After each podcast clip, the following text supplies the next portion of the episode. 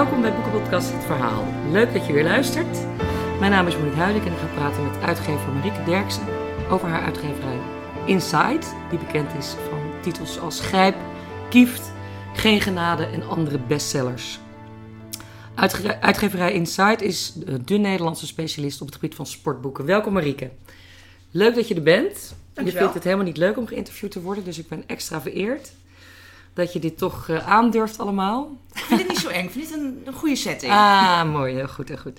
Eh, je begon eh, deze uitgeverij in 2015 samen met je vader Johan. Die bent de dochter van Johan Derksen. Onder de naam Voetbal Insight. Als imprint van Over Amstel uitgevers. Wie kwam op het idee om die uitge deze uitgeverij te beginnen? Nou, hij bestond natuurlijk eigenlijk al bij WPG onder de naam Voetbal International. Oké, ja. Daar zijn we eigenlijk begonnen en dat was al een paar jaar eerder.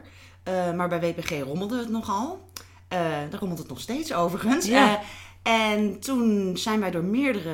nou, ik deed eigenlijk in mijn eentje Voetbal International ook als uitgeverij. Oh, onder de kap van Voetbal International Het weer. blad. Ja, ja. En jij deed daar de boeken ook, hè? ja, Ja. ja echt... Wat voor boeken kwamen daaruit eigenlijk? Nou, daar, daar hebben we Gijp, de eerste Gijp en de eerste Kieft. En Oh. die zijn allemaal onder dat. Maar we zijn zo vaak van naam veranderd. Maar eigenlijk is de essentie nog steeds precies hetzelfde met een ander logo erop. Ja, toen mensen op gingen vangen dat het zo rommelde bij WPG, toen zijn we door meerdere eh, uitgeverijen benaderd. Eh, waaronder door Over Amstel. En daar kwamen we binnen en wij hebben meteen ja gezegd. Dat, oh, oké. dat was een goede sfeer, goede voelde je vibe. thuis. Ja, Ja.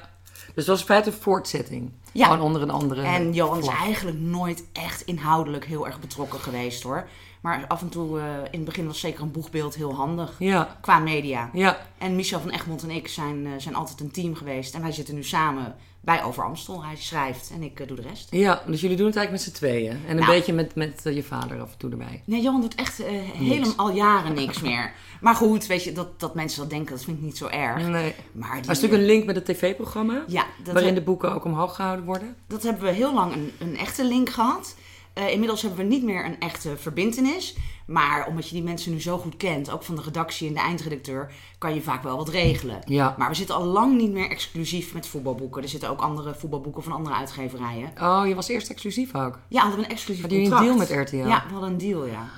Ah, hoe zat Eh. dat in elkaar? Eh, nou, dat wij een deel van onze opbrengst eh, afstonden. Oh, zo. En dan mochten wij eh, met bumpers en met kleine reclamespotjes op RTL 7 iets doen. Oh, prima. Ja, maar die Ja. deal is over. Oké. Maar nog steeds heb je natuurlijk een, een makkelijkere band. Het is makkelijker even bellen Ja, naar een eindredacteur die je kent. ja. Van, joh, kan je hier wat mee? En, Ja. ja. Nee, tuurlijk. Ehm, hoe heb jij eigenlijk dit vak geleerd? Want ik las dat je theaterwetenschap hebt gestudeerd. ja, filmen en... Ja. ja, ja, ja. Ik ook. En wat doe jij er nog mee? Nou, eh, niet zoveel. Nee, Ik maak nu een podcast. nee, ik, ik heb eh, ook veel, ik ben afgestudeerd film, dat wel. Ja, oh, ik, ik op documentaires. En eh, ik ben ooit gevraagd door uh, Mattie Kamman, een voetbaljournalist. En die had zijn eh, eigen uitgeverij, die hij net had verkocht aan BPG, maar onder de naam De Buitenspelers. En die zaten met eh, drie gasten dat te doen. En ze hadden iemand nodig die eh, tussen de mannen kon. Eh, en niet met functies liep te kloten. Weet je, dat je een, een titeltje wil en die gewoon alles wilde oppakken. Oh, Oké, en dat was ook sport? eh, Ja, dat was eh, alleen maar sport. Dat waren de hele grote, misschien herinneren ze van Art Schenk. En Johan Cruijff en Willem van Haan. Gewoon echt foto, koffietafelboeken. die Ja. fotoboeken eigenlijk. Ja, eigenlijk voornamelijk fotoboeken. Ja, En toen ben ik twee keer met hem gaan praten. heel duur volgens mij. Ja, die waren wel 70, 80 Ja. euro. God, dat daar een markt voor was ook nog. Dat was er wel. Ja, ook wel echt voor op de koffietafel. Maar echt met de grote namen. En grote namen zijn natuurlijk vrij snel op ook. Ja. Eh, en toen heb ik gewoon ja gezegd. En toen ben ik met, gewoon bij de mannen gaan zitten. En een beetje afgekeken wat zij deden. En dat heb ik een jaar gedaan. En eh, toen ben ik eh, alleen doorgegaan. En was dat dan ook productieproces begeleiden en zo bijvoorbeeld? Dat Nou, het was zo en- kleinschalig dat je eigenlijk van alles wat meepikt. Wat Ja. volgens mij gewoon echt de beste manier is Zo leer je om het te leren. En ik zat daar heel vaak alleen. Dus door gewoon alleen maar de telefoon op te nemen en met alles te maken te krijgen, leer je gewoon alles. Van Ja. begin tot het eind. ja, eigenlijk een perfecte leerschool inderdaad. Een beetje chaotisch allemaal, maar Ja. super gelachen. Even een Eh. beetje zwemmen met de, en roeien met de riemen die je hebt. Ja, Ja. ja, ja, ja. En, en het leukste is natuurlijk nog steeds die grote mooie fotoboeken maken. Want ik ben een beetje een- nerd daarin. Het is natuurlijk niks lekkerder dan in fotoarchieven Oh, gaan ja? zitten pluizen en dingen. En met echt nog ouderwets een loop op de dia's en dan die ene foto vinden. Dat is natuurlijk het allerleukste wat er is. Oh. Alleen niemand koopt het. Ja. Dus dan was ik helemaal blij met een unieke foto Oh, maar dat uit een deed je archief. dus ook. Je zat Ja, gewoon ja. echt heel erg te zoeken naar het beeldmateriaal. Weekenden met een loop. Oké. Echt oude filmrollen kijken. En nog op die, van die, echt die oude machines die je nog in films hebt. Waar ze kranten... En Ja, hopen dat je... die fiches. Ja, dat je iets tegenkomt. En dat is eigenlijk het leukst. Alleen ja, dat, dat kan niet meer uit. Nee, daar, daar, daar is geen geld meer voor, denk ik. Nee, nee, dat is gewoon... De markt is er En het is ook heel duur om het te maken. Ja, en dus heel duur om te kopen. En Ja. wij zitten toch, denk ik, in de, gewoon de ge- gemiddelde Nederlander qua doelgroep. Mm. En dan is 80 euro voor een boek is gewoon echt heel veel geld. Ja. Zeker als je ook al je seizoenkaart en je sjaaltje... eh, je weet wel, en je wil daar ook een biertje drinken. Dat is gewoon te, te duur. Maar Ja. wel het allerleukste om te maken. Ah, oké. Ja. Ah, je hebt, hebben jullie, gebruiken jullie veel fotomateriaal op dit moment? Heel Eh, weinig. ook weinig. Hè? De is meeste hoofdpersonen willen het wel. Maar ik zeg toch, meest, het moet echt iets toevoegen. Mhm. Je hebt wel gewoon 20 foto's van een keeper die naar links en naar rechts duikt. Vind ik geen meerwaarde. Eh, en onze beste verkopende boeken zaten nooit foto's in. Oh nee.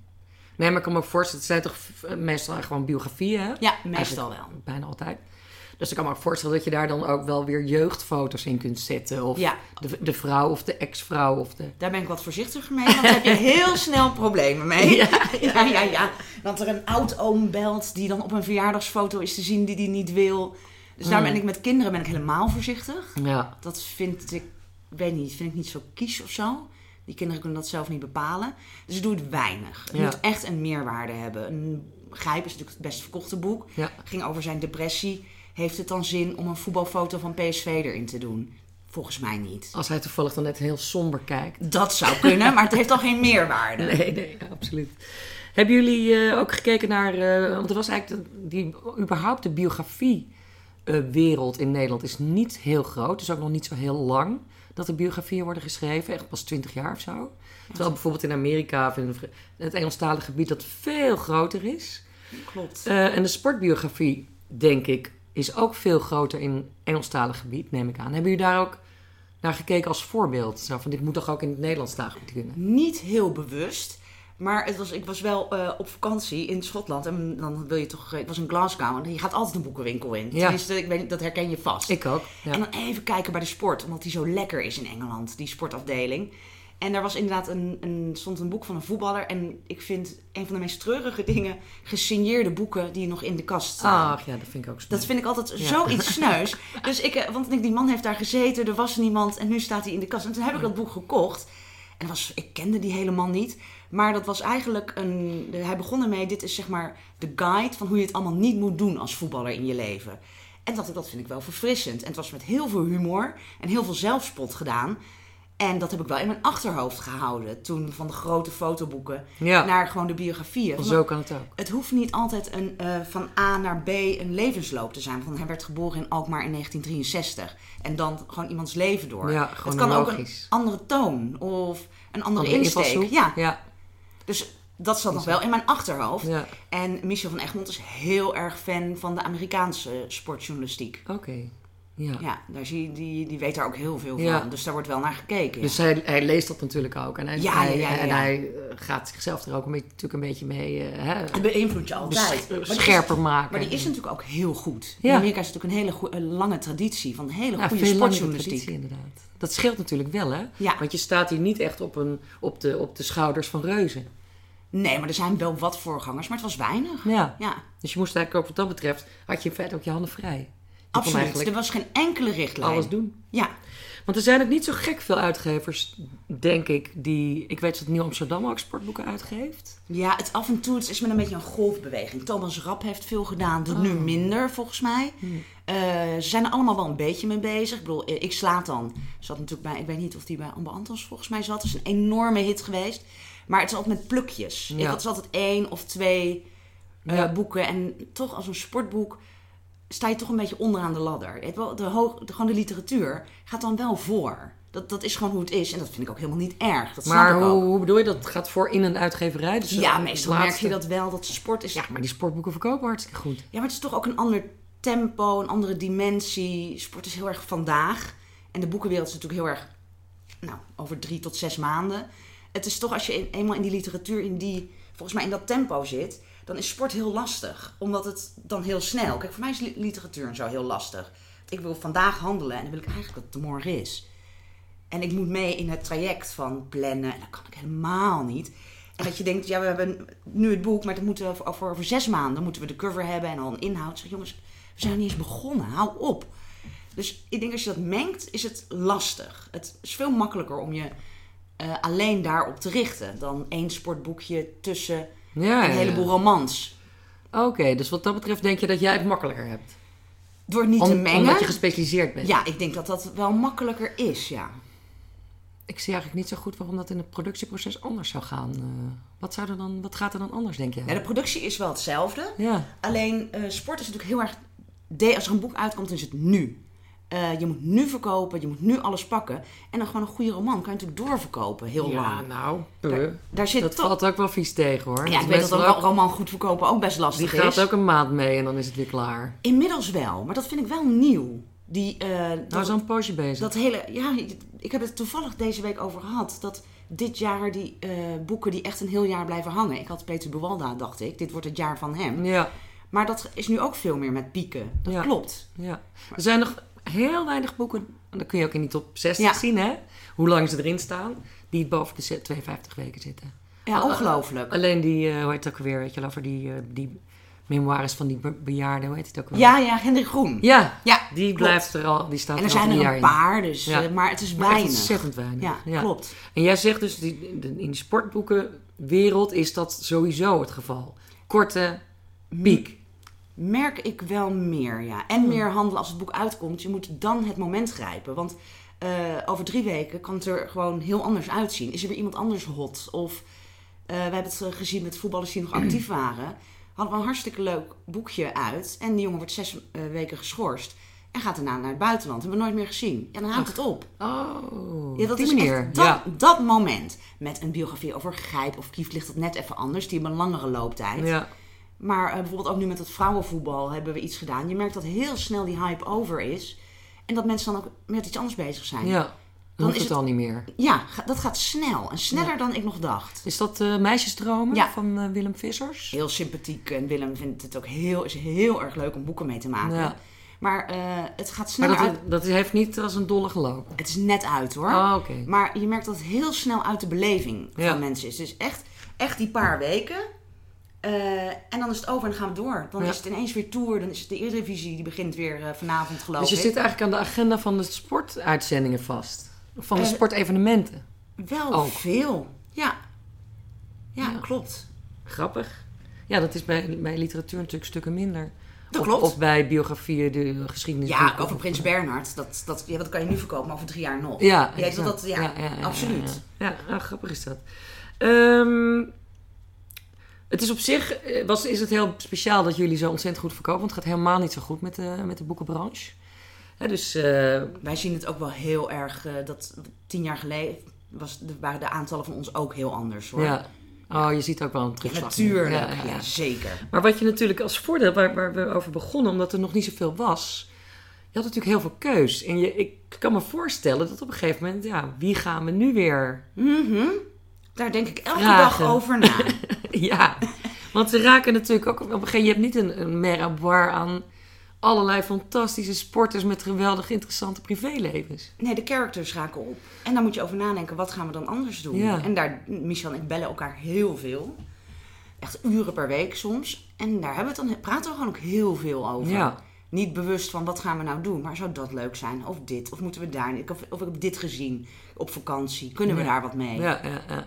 Nou, nou is er wel meer dan je denkt hoor. Maar ook de meeste voetbalboeken eh, mislukken ook gewoon grandioos hoor. Het is niet dat alles lukt. Nee, nee, natuurlijk niet. Nee. Dat zou raar zijn. Dus er is Ja. veel meer dan. Nee, ik heb even ziet. gekeken op de site eh, welke boeken jullie inderdaad allemaal hebben uitgegeven. Een aantal daarvan dacht ik, die heb ik volgens mij nog nooit gezien zelfs. eh. dat zou heel goed kunnen. sinds ze langskomen. En ja. daarbuiten wordt ook nog heel veel uitgegeven. Ook bij kleine uitgeverijen, mensen die het zelf doen. Maar wel over grote namen. Ja. Dus er is echt heel veel, maar het wordt steeds moeilijker. Hoe selecteren jullie? eh Gevoel. acquireer hè, verzin, je, verzinnen jullie zelf? Komen er mensen, journalisten, schrijvers naar jullie toe? Ja, maar bijna nooit een volledig concept. Oké. Het is eh, of, Alleen een, een, een ballonnetje. Ja.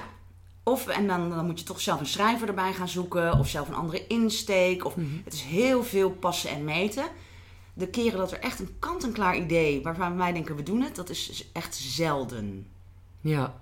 Heel zelden. En nu beginnen ook uh, literair agenten en zo zich ermee te bemoeien. Dus dan wordt het sowieso iets anders. Hoezo bemoeien die zich ermee? Nou, die komen nu, hebben nu schrijvers en ideeën. En dat hadden wij nog nooit gehad. Dat was helemaal nieuw voor mij. Oké. Ja, dat heb ik nu pas voor het eerst een paar keer gehad. Oh, wat grappig. Meestal deden we het gewoon zelf. Ja. Maar ja, ik snap, die zitten natuurlijk ook op te letten. Dus ik snap ook wel dat die schrijvers hebben. Maar bijvoorbeeld, hoe match je? Want hè, je, ik kan me voorstellen, of ja, dat moet ik aan je vragen. Het is vast belangrijk dat de, de, het onderwerp het wel goed kan vinden. Heel belangrijk. Zoiets. Ja. Met de schrijver. Selecteer je daar ook op? Ben je Absoluut. daar ook aan, aan Ja, hè? Iemand zegt bijvoorbeeld, nou, eh, hè, een leuk idee, een eh, biografie over Jan Raas. Ja. Dit Oh, dat zou ik zo graag willen. Die staat bovenaan mijn lijst. Jan Raas, dat is er nog niet, want Jan Raas wil niet. Klopt. Hè, ga je dan, dan, dan, ik zeg het bijvoorbeeld, ik, nou, ik wil een, een biografie voor jullie schrijven over Jan Raas. Denk je dan, bij wijze van spreken, van nou, dat, die auteur moeten we niet hebben? Of tenzij ik hem Nou, ken, het is een beetje lullig als jij met het idee aankomt en ik dan jouw idee jat en een Ja. andere schrijver ga bellen. dat? Want dat is mijn vraag. Eh, heb ik nog niet gehad, volgens mij. Oké. Kijk, natuurlijk komen er twintig mensen per jaar met ik doe Arjen Robben wel. Als jij hem even belt, dat is wat anders. Oh ja. Maar als jij die connectie hebt en jij kan dat regelen, dan is het onderwerp voor jou. ja. Maar een, een goede biografie sa- samen schrijven, want we doen het altijd geautoriseerd, moet je wel met elkaar door één deur kunnen. Ja, tuurlijk. Eh, want anders en er wordt moet ook het- een zekere een match of een hè, iets. Anders wordt tussen- het een leidersweg. Ja. Dat raad ik ook iedereen af. Als Ja. je na het tweede gesprek denkt, nee, Het gaat niet. stop ermee. Hmm. Want het wordt een ramp. Dat kan alleen Marcel van Roosmalen, denk ik, hè? Maar dat is zijn, zijn ding natuurlijk. dat het enorm schuurt. Over Theo Jansen. Ja, ja, ik heb daar enorm om gelachen. Maar het is, je houdt ervan of je vindt het vreselijk. Ja, Er is geen middenweg. nee. Die bestaat niet. Hè, maar is het bijvoorbeeld ook zo dat jullie, dat je denkt van, nou, die en die journalist, eh, die vind ik leuk schrijven en die wil ik eigenlijk koppelen aan Ook? Ja, dat je het zelf vraagt? ja zeker. Het meeste komt een beetje vanuit gewoon sociale... Vanuit jullie? Ja. Oh, ja, en er zijn ook heel veel die willen. Soms denk je, heb je een gesprek, denk, dit is jouw onderwerp niet. Maar laat ons even denken. En dan komen we wel op iets Hmm. Ja. wat bij jou past. Of wat beter bij jou past. Ja. En nu heb je dus blijkbaar ook een aanbod vooral van literaire schrijvers die het ook leuk vinden om over sport te schrijven. Of die, die met ideeën komen. Ja, ja, dat is wel veranderd. Ja. Ineens eh, ook mensen die wij, wij dan zien als serieuze schrijver. Ja? Die Noem het eens- ook wel eens willen proberen. Noem eens iemand. Nou, eh, wat nu ook wel bekend is, dat Robert Vuistje gaat eh, een, eh, een sportboek maken. Oh. En dat vind ik een leuke combinatie, omdat je dat niet meteen bij hem zou matchen. Ik vind het ook leuk als de combinatie gek is, hoor. En over wie? Ja, Ser- Serdar dat is een Turkse scheidsrechter. Oh. En dan vind ik Robert, zeg maar, de, toch wel de Joodse schrijver met de Turkse scheidsrechter. En dan ik erbij, vind ik een beetje rare, maar wel leuke combinatie. Ja, klinkt wel goed, ja. Ja, grappig. Maar het is Ja. altijd wikken en wegen hoor. En het kan ook zijn dat je na drie gesprekken denkt, we komen er niet uit. Dit- Nee. Dit, wordt hem niet. Die- We hebben de, niet een goed gevoel erbij. Ja, Ja, ja, ja. En je vaart gewoon op je intuïtie. Ja. Altijd. Ja. tot, tot op heden wel. Ja. Ga je ook een paar keer de mist in hoor. Maar tot op heden lukt dat wel. ja. Eh, want op een gegeven moment hebben jullie begonnen dan met voetbal. En ik las ook bij, in, ik denk op Wikipedia gewoon hoor, dat het ook de bedoeling was om, om muziek bij eh We hebben ooit wel iets met muziek gedaan. oorspronkelijk Ja? idee, voetbal en muziek. Ja, dan kom je toch... Een, een heleboel van de voetbalboeken zit je op het randje entertainment, hè. Ik denk, kijk, eh, ik weet nog dat René van der Gijp een voetballer is geweest. Maar weet een jongen van 19 dat ook? Of is René van der Gijp daarvoor een tv-persoonlijkheid? Ja, dat tuurlijk. denk ik wel. Ja. Dus dan zit je op het randje van entertainment. Dus we hebben wel eens muziek, want eigenlijk vroeger ook Johan, maar ook van Misha en van mij muziek. En voor mij dan ook nog film. zijn toch een beetje hobby's. Maar dat is nog moeilijker hoor, muziekboeken verkopen. Ja? Ja, ik kan niet zo vijf onderwerpen noemen waarvan ik denk dat wordt echt een knaller.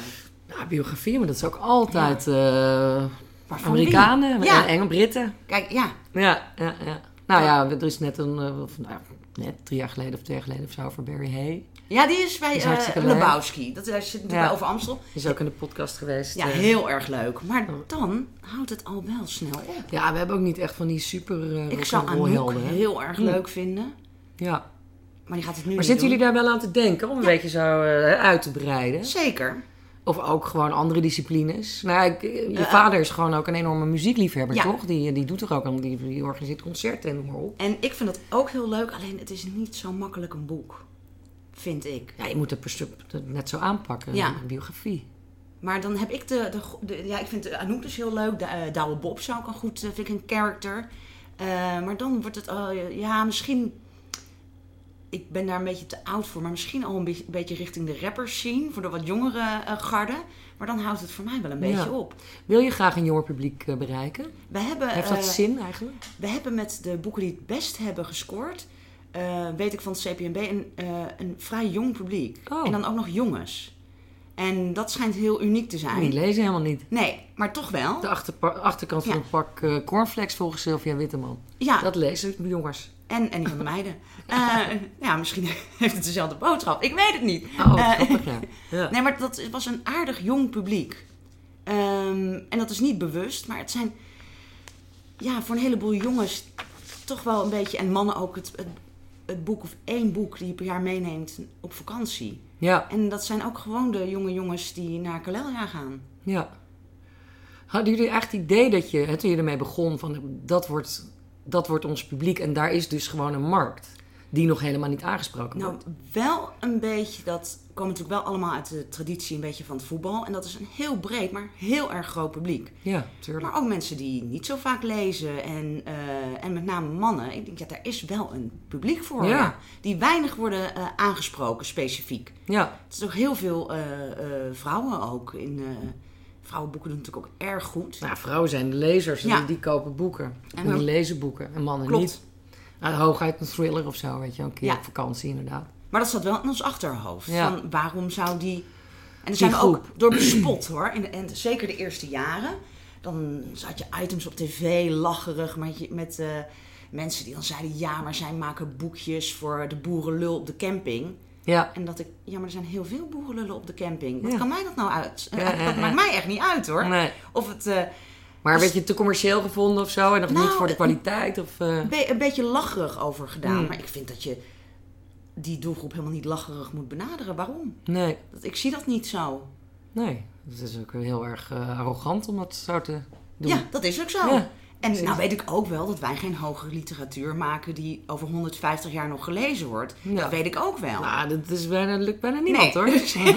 Dus ik- Shakespeare. we zijn, ja, we zijn wel realistisch daarin. Maar ik vind die doelgroep is gewoon een hele grote doelgroep die Ja. best een boek willen lezen. Maar je werkt ook samen met Michel van Egmond. En Dat is natuurlijk eigenlijk jullie succesauteur. Ja. Wat is zijn eh, specifieke kwaliteit? Waarom is hij zo goed hierin? Ehm, daar heb ik natuurlijk ook wel langer over nagedacht. Maar wat ik bij Michel wel, en het klinkt een beetje stom hoor, maar dat hij een echt oprechte interesse heeft in zijn onderwerp. Eh, het is niet snel even wat dingetjes uittikken. Hij heeft de echte interesse. En dat is wat anders dan het als werk zien en denk, ik ga even met jou een boekje maken. Ja, Het is echt. En daarom komt hij bij veel mensen ook dieper. En die het ook, je kan wel dieper komen, maar die mensen moeten het ook teruglezen op papier en het laten staan. ja, Daarvoor moet je een band met iemand opbouwen Mhm. en vertrouwen. ja, En dat kan hij heel erg goed. ja. En ik denk dat eh, heel veel mensen zeggen altijd, maar hij schrijft zo simpel. Maar ik denk dat dat juist de kunst is. Dat het veel, best wel moeilijk is om goed en simpel te schrijven. Dat is absoluut heel Ja. moeilijk. En ik denk dat dat twee van zijn grote Dat is niet dat je dan niet kan schrijven. Nee, Dan kan je best goed schrijven als je, dat, eh, als je daar goed in En bent. hij heeft humor. Dat helpt Ja. natuurlijk ook mee. Hij kan van een vrij zwaar onderwerp, zoals alcoholisme, kan die, dan zit er toch nog een lach in. Want anders wordt het allemaal wel heel zwaarmoedig. Dus ik vind voor hem dat de drie Ja. grootste kwaliteiten. Is hij nu nog weer... Heeft hij weer iemand gevonden? Jazeker. En jij vroeg al over uitbreiden. Nou, dit is een, eh, een helemaal een U-turn. Hij is, eh, het is ook bekend hoor, hij is eh, bezig met Patty Bart. Ach, Samen met Antoinette Schulderman. Verhip, dat is een vrouw. Eh, Ja, zijn vriendin. Ja, die is, dat zijn een setje. Ja, dat is een setje. En dat Patty zijn... Bart, de biografie. Nou, dat is toch even heel wat anders. Ja. Dus zij kennen elkaar heel lang hoor. Dus het komt niet uit. eh Michel heeft ooit voor Patty gewerkt. Oh, gewerkt. Ja, ja bij haar. Toen ze nog Ja. zong.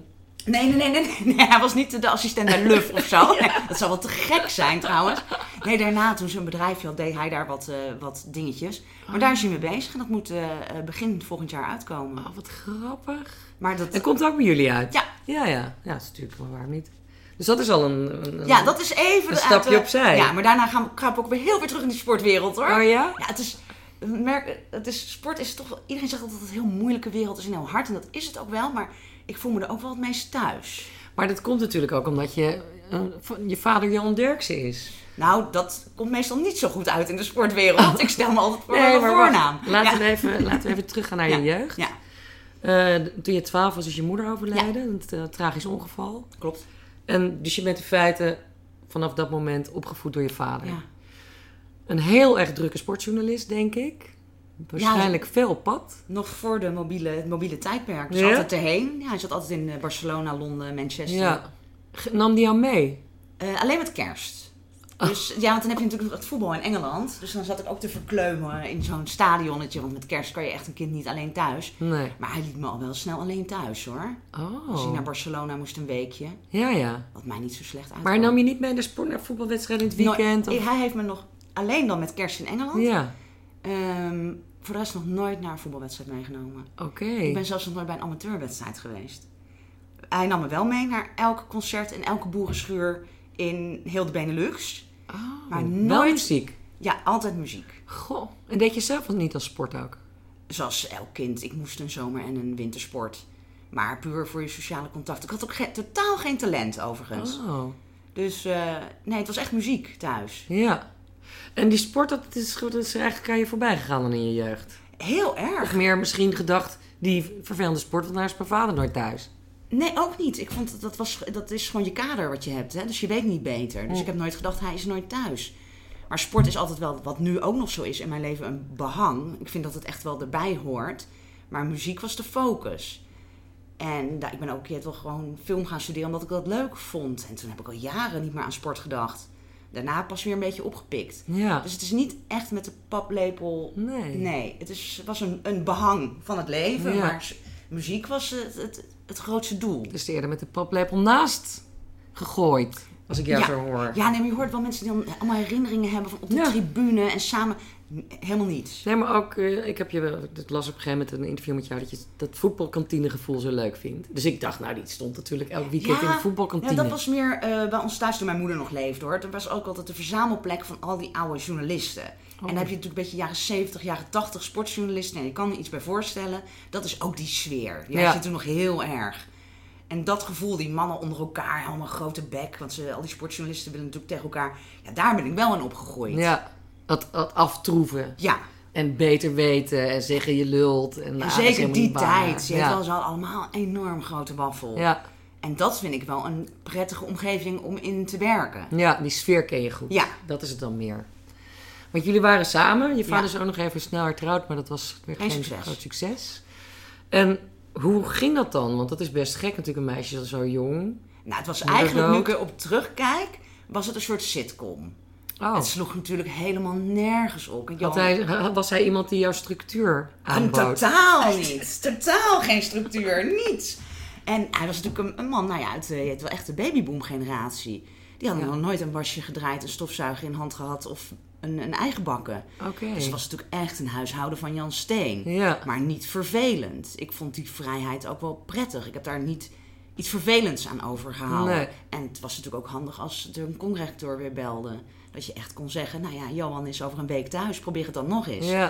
Ik bedoel, ik had echt Je heel maakt veel ook wel gebruik van die vrijheid. Met Ja, natuurlijk. Ja, ja, ja. Ja, nee, natuurlijk. Ging je wel naar school? Jazeker. Maar als het ABN AMRO tennistoernooi was, ging ik een week niet. Oh. Dan ging ik daar naartoe. Oh ja. Oh, dat deed je dan weer wel? Ja, wel ik ben, tennis heel- kijken? Ja, ik ben een heel groot tennisfan geweest eh, in mijn eh, tienerjaren. Oh. Heel groot. Op wie was je? Eh, Jim Courier. ja, de- ik ben de enige, en zijn vrouw denk ik, maar de enige die op Jim Courier was. En stiekem nog een beetje. Oké. Ik had ook schriftjes waar ik alles bij hield. Ja? En plaatjes plakken? Wat minder, dat wat minder, want ik was altijd een beetje van het interieur en dat vond ik niet mooi dan in mijn kamer. Maar ik had Oh. wel bergen met, met alle uitslagen van alle ATP-toernooien. ja. stille liefde. Ja, nou, ik, ik heb hem later, een paar jaar geleden, nog een keer op zo'n oude lullen toernooi. En toen zat degene naast mij en die zegt, Marieke, wat is er met jou? Je krijgt helemaal rode vlekken in je nek. Ik denk, oh, ik heb het nog steeds. en dat is natuurlijk echt niet een bijzonder eh, aantrekkelijke man volgens het boekje. Nee, Maar ik kreeg het helemaal warm. Dat je elke beweging van iemand kent. Ja. Dat je dat uren... heb bestudeerd. Ja, Grap. En hij geeft nu nog commentaar, want hij is ook nog heel intelligent en heel grappig. Oh, Nee, dat is mijn eh, Ja. sportverleden. ja, ja, ja, eigenlijk een beetje een crush. eh, Enorm. ja, Ja. op zo'n sporter en dan to- to- toevallig een tennisser. ja. Ja, ja, ja. Eh, maar goed, dus jullie waren dat met z'n tweeën, had alle vrijheid.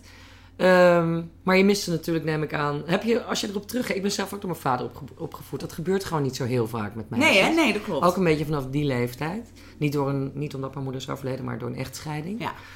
En eh, ik, ik vond dat toen heel normaal. Ja, ik maar het dus was ook. heel abnormaal. Ja. Want niemand vond dat normaal dat er geen moeder in dat, eh, in dat gezin was. En heb jij achter, als je er achteraf op terugkijkt, denk je dat je er toch ietsjes anders door bent geworden? Of ja, dat denk ik je wel. verhouding tot mannen bijvoorbeeld anders is? Dat denk ik wel. Hoe zou je dat omschrijven? Ehm, dat vind ik moeilijk hoor. Dat vind ik maar, maar verhouding. Nou, misschien is dan daarom ook wel dat ik. Er waren natuurlijk ook veel meer mannen altijd dan over de vloer. Dat ik me veel- eh, goed thuis voel onder de mannen. En Johan is natuurlijk nogal een character. En dat ik ook liefst eh, mensen met veel persoonlijkheid. Dat, daar, hou, daar hou ik heel erg van. En daar ook niet door afgeschrikt raak. Je kan je natuurlijk nog laten intimideren door iemand met veel persoonlijkheid. En dat heb ik absoluut niet. Dan denk ik maar, als, en zeker als ze een beetje dat ook gaan uitspelen. Wat doe jij raar? Doe eens normaal. Ja, Ehm, en wel onafhankelijk, omdat hij er nooit was. Maar ik denk wel dat, mijn, eh, dat ik me zo gemakkelijk voel in die mannenwereld. Dat ik natuurlijk altijd met iemand was die ongeveer de grootste bek van Nederland heeft. ja. En dat je daar ook wel een beetje, zoals Michel het zegt, door afgestompt raakt. Zegt, maar bij jou komt niks meer aan. Ja. Jij zegt bij alles, waarom maken mensen zich nou zo boos? Maar eh, behandelde hij jou ook zo? Was jij ook gewoon zijn gelijke, zeg maar? Ik heb laatst een interview gelezen. Want wat jij zegt, voor jezelf is het heel normaal. Want dat is gewoon jouw kader. Ja, je weet En- niet beter. Nee, en toen las ik iets terug en toen dacht ik, ja, ik... Natuurlijk nu nog steeds hoor. En ik ben al stokoud. En als hij dan weet dat ik s'nachts door Utrecht moet fietsen... dan zegt hij nog, zal ik je... Hij is nooit meer in Utrecht, maar even brengen. Dan denk Johan, ik ben 39. dus ergens blijf je altijd dat meisje. Toch zo'n kleine Maar dochtertje. het was wel redelijk snel eh, een soort gelijke verhoudingen, ja. Ik was niet het kleine meisje. Want je moest natuurlijk ook gewoon boodschappen doen. Ja, En de was draaien, neem Klopt. ik aan. ja. Of hadden jullie iemand die het huishouden voor jullie deed? Nou, niet heel structureel. Nee, dus dat, eh, dat losten we voor het grootste deel samen op. Ja. En, je, en hij was dan dus soms ook gewoon weken weg. Was Ja. je gewoon een week alleen thuis? Ja. De veertiende. Ja, klopt. Ja. En dat vond je leuk? Nou, ik vond het niet heel erg. Want er zaten natuurlijk ook heel veel voordelen aan. Kon je vriendin uitnodigen en je Nou, vriendjes? Dat, dat. en je kon je eigen eh, ding helemaal bepalen. Ik kon Ja. doen en laten wat ik wilde. Waar, waar gebeurde dit eigenlijk allemaal? Waar- wonen jullie toen? Eh, in Elst Gelderland. Oké. En toen zijn we daarna, want Jo- Johan kon niet tegen dat huis meer. Zijn we heel snel naar Gouda verhuisd. Want daar ben ik geboren en later naar Utrecht. Oh ja, ja. En hier ben ik dan uiteindelijk naar de middelbare school eh, begonnen. Ja. Dus je woonde hier met je vader in Utrecht? Ja, Een poosje gedurende je ja puberteit? daar, daar zat de grootste tijd eh, alleen. Oh, ja, ja. Maar toen was je dan al 15 of zo? Nou, toen, dat was denk ik tussen mijn twaalfde en zestiende. Ja. En had je dan bijvoorbeeld lieve buren of nog familie die zich om jou Nee. bekommerde? Nee. Helemaal alleen? Nou, wel eh, oude kennissen. En eh, collega's zijn heel lief geweest. Ja. Jeroen Wielaert kwam me oppassen en zo. Oh ja. Ehm, maar ik heb, ik heb geen familie. Dus eh, echt de kleinste familie ongeveer die er is. En wij zijn nooit zo van bij de buren de deur plat Nee, lopen. nee. En we woonden eh, ook in Ogenal. En dat waren toen, nu is het helemaal verjut, maar allemaal bejaarden. Ja, dat is waar. Dus nee, dat was... Helemaal gewoon- lekker met z'n tweetjes. Ja, en met vrienden, maar Ja. niet een heel vangnet. Nee. Nee. Nee. Maar hè, dus die, dan ben je toch ook ontzettend close met elkaar. Dat kan niet anders. Want hij moet een enorm vertrouwen in jou ook hebben gehad. Ja, en, ge- nee. en ge- gegeven. Dat, ik, dat zeggen anderen die ons nu kennen. Die zeggen, je- je bent echt de enige waar die nog naar luistert. Als het echt fout ging bij het programma, dan belde de, de eindredacteur me op. Kan jij me even bellen? Echt? Ja, maar we hebben ook wel een haat-liefde verhouding hoor. Ik heb nu bijvoorbeeld een, eh, nou haat niet, maar het is niet dat we elkaar heel veel zien. Ik heb hem nu een jaar niet gezien. Oh, Maar we bellen wel. oké. Maar hij heeft gewoon heel erg druk en hij woont natuurlijk nu ineens ver weg in Grollo. Nou, Oh, dat is met het OV echt niet te doen. nee, nee, nee. Ehm, maar als puntje bij paaltje komt, begrijpen we elkaar wel altijd. Er is wel een, een speciale band. Ja, En we lijken uiteindelijk ook wel heel erg op elkaar, denk ik. ja. Want je weet natuurlijk niet in hoeverre je nog op je moeder lijkt. Nee, qua uiterlijk heel erg. Daar schrikken mensen ook van. Als ze me Oh. nu, die haar van vroeger kenden, die echt schrikken. Ja, En daar zou ik ook dingen van hebben. Maar ja, dat kan ik natuurlijk niet. eh, Weet je dat, niet. Nee, dat weet ik niet. nee. Dat toch een gemis ook eh, op de een of andere manier, toch? Ja, tuurlijk. Ja, tuurlijk. Heb je daar nog problemen mee gekregen toen je een adolescent, weet je, wat ouder was? Ja, dat, dat, dat weet je dus ook niet zo goed, omdat er Nee. niks anders is. Ik ben, ik ben wel wat... Ja, omdat ik ook... Hadden jullie het er samen over? Nee, nooit over gehad. Maar dat is eh, de babyboom, man. Ja. Dat was klaar en, En nu is het over. gebeurt er nu door. Ja, Ja. maar ik heb natuurlijk wel alles geprobeerd om ook... Ik denk ook om aandacht te krijgen. Ik was wel een beetje een wild one, ja. Ja? Ging je drugs gebruiken en zo? Nee, drugs vind ik eng. Of maar, stelen? Nee, nee, nee, nee, maar zo wild niet. Maar wel, ik kan wel, eh, wel doorslaan met feesten en dat soort dingen. En toen ben ik op mijn 16e jaar naar Oklahoma City gegaan. Nou, dan is het feest wel over hoor, als je 16 bent. Oh. Ja? Oklahoma City? Het is vreselijk. Is dat heel christelijk of zo? Ook nog heel christelijk, maar daar, eh, daar, kan, ook, daar kan je ook helemaal niks. Hmm. Het is zo'n echte Amerikaanse stad, zonder centrum, iedereen met een auto, curfew voor minderjarigen. Je mag natuurlijk niet drinken. Doe je wel, Maar waarom ging je daar vrede? Was het voor, voor straf dat je daarheen moest? Nee, het was voor mij een soort vlucht wel. Oh. Je weet wel dat je denkt, ik heb het nu even gehad, al het drama. En toen was ik 16 en toen heb ik zo'n foldertje EF, die nu eh, de wielerploeg Oh, eh steunen. education first. Ja, en toen heb ik dat gedaan. Ja. En dat is uiteindelijk wel goed geweest. Dat is een soort uitwisseling of iets. Of Nou, Engels leren of eh, Ja, je gaat dan... eh, dus gastgezin. ja, gastgezin Ja. in eh, de laatste klas van de middelbare school. Dat is natuurlijk best wel een laag niveau, de Ja. high schools. Ja. Maar dat was wel op een goed moment. Want het had ook rond die leeftijd anders kunnen gaan, denk ik. Ja, je wil s'nachts niet thuiskomen en je schouders over ophalen. Misschien, en dan ben je 15, 16. Oh. Een jaartje... eh, Het is ook wel gewoon een soort van, eh kan mij het allemaal schelen. Ja. Val maar lekker E- dood allemaal. Ja, enorm. Ah ja. En dan een jaar in een eh, nogal strikt gezin met regels was niet zo slecht voor me. Hmm, dan kon je het verschil eens merken. Ja, en, En het is natuurlijk wel structuur. ja, en thuis thuiskomen en dan ook weten, oh die vrijheid is ook wel heel erg lekker. Die moet ik Ja. ook niet verprutsen. Ja, ja, ja, ja, ja. Ja. Goh. En wat heb je daar geleerd verder? In Oklahoma? Heel weinig.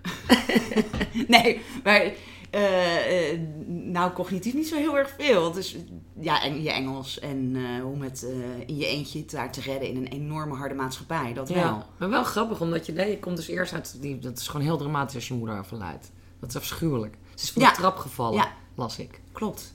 Van de trap gevallen. Ja, lullig hè? God, ja, het is nooit is heroïs, dit soort, dit soort Nee. dingen. Ik heb er niks van meegekregen overigens hoor. Dus dat, dat is echt een heel groot geluk. Ja, niks van meegekregen? Ik ben overal doorheen geslapen. Ambulances, eh, Oh. de hele reutemeteut. Ja, dus ik heb echt, echt niks gezien of gehoord. Hoe is het mogelijk? Ja, dat, daar prijs ik mezelf heel gelukkig bij hoor, Ja. dat, eh, mee. Dat je er doorheen slaapt. Ja, en ik ben een hele slecht slaper. Maar het was heel koud. Ik had de hele dag geschaatst. Dus het was gewoon kapot. Ja. Nee, dus ik, eh, ik heb, dat, dat is echt heel prettig. Ik kan me voorstellen voor een kind... Was ze meteen eh, ook dood? Op Nee, slag? nee eh, wel hersendood. En toen hebben we, heeft Johan eigenlijk al op de eerste dag tegen mij gezegd van... joh, wat vind jij? Zei, ja, dat moeten we niet doen. Die knop moet om. Ja, niet in houden. Niet een- Nee. als een plant. Dat wilde zij ook helemaal niet. Nee. Dus dat was vrij snel over. Dus drie dagen later of zo is ze overleden. Ja. Dat zijn wel erg heftige dingen voor een klein kind. Ja, maar het is ook nou zo... onwerkelijk. Het is niet op Ja, het is dat moment geen, geen trauma of zo. Nee, het dat- is. Ja. En pas jaren later denk je, oh, dat is niet goed hoe ik daarmee Nee. om ben gegaan. Maar ik vind het ook zo opmerkelijk dat je dan... Dan denk je, kom je in zo'n fase in je puberteit ook van... Nou, stik er ook allemaal maar lekker in. En dat je dan kiest voor zo'n isolatie Nou, nee, je, in Oklahoma. nou, nee, je wordt daar geplaatst. Ho, ho. Ah. Je wordt daar geplaatst. Ik had dat nooit zelf. Maar voor mij was dat wel goed. Dat is het echte Amerika. Dat is echt het Amerika van Trump. Ja. Weet wel, je komt op vakantie in San Francisco en New York. Dat is Amerika niet. Nee, nee. De meerderheid is dit. En toen stuurde Jo me wel allemaal Nederlandse boeken. En toen heb ik nog overwogen. Toen was net eh, Broodje Gezond over Herman Brood. Was uit, die eerste van Chabot. Want je hoeft daar in de klas niks te doen, kun je gewoon boeken lezen. Eh, en toen, heb ik, toen dacht ik ook nog wel, ik kan ook gewoon een Herman Brood worden. Maar dat heb ik niet gedaan. Maar dat ging wel door mijn hoofd. Oh, echt? Ja, dat heb ik wel ooit gedacht. Een rock'n'roll junkie? Ja, Heb je dan ooit ambitie gehad om zelf muziek te maken? nee, Blijkbaar. nee dat, eh, ik dacht meer de levensstijl. Ik denk, ja, dat kan ook. Oh, gewoon Je kan, ook gewoon, je kan gewoon ook niet meer eten en s ochtends aan een fles whisky beginnen. En volgens mij, maar het liep natuurlijk niet zo heel goed af. Eh, maar dat ging dan wel door mijn hoofd. Dat vond ik best wel een aantrekkelijke Ja, ja. zo'n Eh, zelfdestructie. idee of zo. Ja, Hmm. Dat kantje. ja vind ik toch Ja. wel interessant. Als je nou bijvoorbeeld naar die, die mensen kijkt, hè, die, eh, die jullie portretteren, moet er dan ook altijd zo'n persoonlijk randje, zo'n zwart dingetje of een stekeltjes, Dat moet dat er altijd in zitten? Nou, het zijn wel de leukste mensen. Toch? Die, eh, tenminste, vind ik. Ja, maar iedereen heeft dat toch ja, ook? Ja. Maar durft, niet iedereen durft het ook bloot te leggen. Nee, dat is En op een gegeven moment, ja, je kan je kan niet een trucje herhalen, zeg maar. Je moet niet elke keer hetzelfde. Dat hebben we wel gehad. Het is een Ja. beetje alsof we alleen maar eh, eh, zuipen, eh, drinken, wijven, zeg maar. Maar dat was eigenlijk Andy van de Meiden. Ja. Daarna viel het wel mee. En tuurlijk stonden ze allemaal in de rij, hoor. Van, ik ben ook een keer naar een paaldansclub geweest. Ja, en? Dat doen we dus dan niet meer. Lekker kort verhaal. Ja, heel, heel kort verhaal. Ja. Ehm, maar mensen waar het leukste is natuurlijk als je een biografie en als, als je iets kan tonen in iemand, een, ja, een randje of een kwetsbaarheid. ja. Alleen je moet wel heel veel ballen hebben om het echt door te zetten dan. Ja. Nou, ik weet dat van, hè, van Thomas Dekker, Ja. die eh Thijs Zonneveld eh, de biografie heeft geschreven. Die Thijs is ook hier geweest in de podcast over dat boek. Ja, dat was gewoon echt extreem. Ja, Maar ook omdat daar dus nog een heleboel andere mensen bij eh, genoemd werden. ja. Die dat zwarte randje nog angstvallig eh, Ja, geheim ja. hadden gehouden. Daar hebben we wel, ik weet niet of we het hier ook, hebben we wel discussie over gehad. Ja. Wat moeten we doen en wat moeten we niet doen? Ja, En toen hebben ze me uiteindelijk wel overtuigd dat dit de beste manier was. ja, Omdat iedereen met een beetje verstand van wielrennen kende die ploeg. En als je dan schimmig gaat doen, dan werden ook anderen. ja, dan kun je het gewoon raden ook. Ja, en ook het is nog lulliger als een paar die gewoon Als echt... verkeerde... Ja, ja. dat vonden we heel erg lullig. Nou denk ik ook wel dat er een dingetje nog in zat hoor. Van dat het allemaal niet de beste vrienden waren. Maar ik las daar in het begin over heel veel dingen heen. Maar die wielerwereld is zo ontzettend gevoelig. Hmm. Dat ik dacht, oh, oh worden mensen hier wel boos over dan? Oké, oké. Ik stond daar te makkelijk in. Ja? Dan dacht ik, ja, dan zijn ze een keer naar de hoeren geweest. Nou en? Wat Ja. maakt het nou uit? En daar sta ik dus net te makkelijk in. Ja, ja, ja, ja. Dat bleek... Of dat vind jij gewoon helemaal niet erg. Nou, ik snap... Moet je maar lekker zelf weten. jongens onder elkaar. Je weet Ja. Ze zijn in de twintig, ze hebben wat geld. Niemand die het ziet. Ik, Ja. ja. ik zeg niet dat ik er nou voor ben. Nee. Maar ik vind het ook geen doodzonde. Nee, nee, nee, nee. Ja, maar het ging natuurlijk over die doping. Ja, daar ging het over. Uiteindelijk, dat was natuurlijk veel belangrijker. En zoals met, met Thomas Dekker, dan wordt zo'n zo'n renner ook in de tijd geplaatst. Hè? Dat maakt het ook interessant om het te lezen. Tenminste, ik ben zelf een wielerliefhebber. Dat begreep ik, ja. En eh, dus dan, dat is dan ook leuk, want dan zie je... Ik herinner me ook al die etappes nog wel, weet je wel. En al dat gezeik en gedoe. En dan is het ook leuk om, om die omgeving er een beetje bij te hebben. Dan is dat ook functioneel. Ja, En ik kan me ook voorstellen dat je dus op, op die manier hè, zo'n zo'n onderwerp kunt aanvliegen. Dat je denkt, dus niet, misschien is die persoon zelf niet nou de meest eh, verschrikkelijke heroïnehoer die we maar kunnen bedenken. Je- Maar in de omgeving Ja. gebeurt van alles. En, en dan, kan zo, dan kan diegene dat ook spiegelen. Doen jullie dat ook? maar het is moeilijk hoor. Het is echt moeilijk. Ja, dat, maar dan ga je er wel, eh, dan moet je echt v- forse diepte in. Ja. En heel erg researchen. ja, en dat heeft Thijs waanzinnig gedaan. Ja, Die wist natuurlijk heel veel, want we hebben Ja. wel wat rechtszaken aan onze broek gehad daarvoor. Ja, maar heeft hij allemaal gewonnen. ja, ja, ja. ja, ja. Hij had gewoon heel goed geresearched. En. Je moet ook wel, en ik vertrouwde hem. Ik dacht ook, weet wat, hier komt gezeik van. ja. We zaten echt naar de telefoon te kijken wanneer belt Jacques Hanegraaf. Nou, dat was heel snel. ja. Eh, en dan, ik vertrouw hem zo hierin dat ik, dat ik achter hem sta en dat we dit gewoon aangaan. En dat het gewoon gaat lukken. Ja, dat hij het zijn zaakjes goed op orde... Ja, het is gewoon waar Hij kan het, het hij kan bewijs. het bewijzen. Ja. De feiten kloppen. ja, dat is dan bij dit soort... Dat soort verhalen natuurlijk heel erg belangrijk. Ja. Ja, precies. Ja. Ah, ook omdat het gewoon ja, wel beschadigend kan zijn voor een ander. Ja, en, maar ik denk dat Zeker die sommige Hanegraaf trouwens. van die jongens het te zwaar tilden. Niemand werd boos op ze. Je weet wel, ze, ze maakte het voor zichzelf heel erg groot. Ja. Terwijl eh, de lezers zagen Thomas natuurlijk gewoon als de grote dader. Die heeft het echt wel zwaar gehad. Die is echt wel eh, door heel veel mensen echt ja, verguisd. Ja, ja, ik ben heel blij dat het nu heel goed Het gaat. en, eh, goed, ja, prima. Ja. En nog één vraag over die voetbalwereld. Want Mhm. ehm, hey, je- aan jou wordt altijd gevraagd... Ja, hoe is het nou eh, als vrouw tussen al die mannen? Maar wat ik interessant vind om van jou te weten... Hoe is het om te maken te hebben met jongens met heel veel geld? ja, Met absurd veel geld. Nou, nou zitten wij natuurlijk het meeste nog in de jongens die heel veel, absurd veel geld hadden. En niet meer. En dat op hebben gemaakt. Ja. En dan bellen. Dus eh, dan zijn ze heel anders ineens Ja. hoor. Als alles op is. En dan wordt iedereen een stuk nederiger van. Ja. Ehm, maar ik zit die echte jonge jongens nu. Ja, dat is natuurlijk een hele andere gradatie. Maar daar heb ik natuurlijk helemaal geen contact mee. Ik bedoel, ik snap dat een jongen van 19 niet met zijn boek komt. En dat zou ik ook niet doen. En ze hebben Nee. geen noodzaak. En ik vind maar ook die jongens die wat ouder zijn... die hebben gewoon miljoenen verdiend al. we hebben de meeste, als ze bij ons komen, ook miljoenen opgemaakt. eigenlijk zijn ze pas rijp voor het boek. Als het ook ze mis het is gegaan. hebben. Ja, ja, maar dan heb je ook... Ik vind het ook helemaal niet erg als iemand zegt... ik wil graag een boek omdat ik geld moet verdienen. Dat vind ik helemaal niet erg. Is ook niet erg. Maar wat er nu gebeurt... dan hoef je dus een boek niet te maken om het geld. En je, dan moet je het echt willen of voor je ego... of omdat je een verhaal wil vertellen. Dat Ja. is het verschil. Maar het, ja, het verschilt wel erg. Ik heb natuurlijk wel met mensen gewerkt... die al dat geld wel hebben gehad. Maar ja, daar ook heel stom mee om zijn gegaan. Ik bedoel, ja, misschien moet je niet alle auto's die je mooi vindt kopen... Nee. En een paar keer scheiden hakt er ook wel in. Ja. En met een vliegtuig gaan winkelen. Ja, dat gaat ook in de papieren dat kost, lopen. dat kost een centje. Ja. dat het ook heel snel op is. Nou zullen Ja. die jongens waar jij het waarschijnlijk nu over hebt, de, de, de lichten en zo. Dat lijken me wel nuchtere jongens. Ja. Met nuchtere families. Dat- Maar goed, dan in, in zoverre, je hebt dus wel een doelgroep, ik bedoel van die voetballen, die, die zo verleid worden door, door dat, fans die dat ontzettende glamorous life. Klopt. Dat ze, daar zitten gegarandeerd weer een paar tussen. Oh ja, die zeker weten. eh, onderuit zullen Over gaan. tien, ja, maar je, ziet- maar je ziet maar dat is nu nog heel niet. snel. Dat een heleboel heel snel afzakken. Ja. En dan denk je, waar is die dan? Ja, ja, ja. Nou, en, maar die houden dezelfde levensstijl. Ehm, maar ik had het er vanochtend met Michel van Egmond over. Ehm, wij worden, kijk, Michel is tien jaar ouder. Of, eh, en, nou, iets meer nog, maar ongeveer. Wij worden natuurlijk een beetje oude lullen. Wij zitten op Instagram te kijken en denken: oh, dat is patserig zeg, zo'n boot. Oh, en die gouden bril. Oh, wat eng. Maar een heleboel van de jongeren vinden dat prachtig. ja. Dat wij daar toch dat in ons hoofd ook mee moeten maken. Dat wij dan bij zo'n spelen denken: oh, wat een nare patje peers. Hè? Ja, ja, Met dat pro- protserige gedrag en die glimmertjes overal. Maar dat zijn omdat wij oude lullen zijn.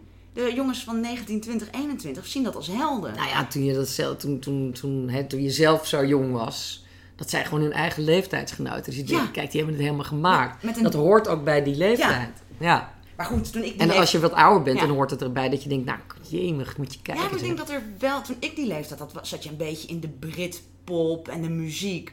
En dat waren toch een beetje jongens met moeilijk haar en een anorak. Je weet wel?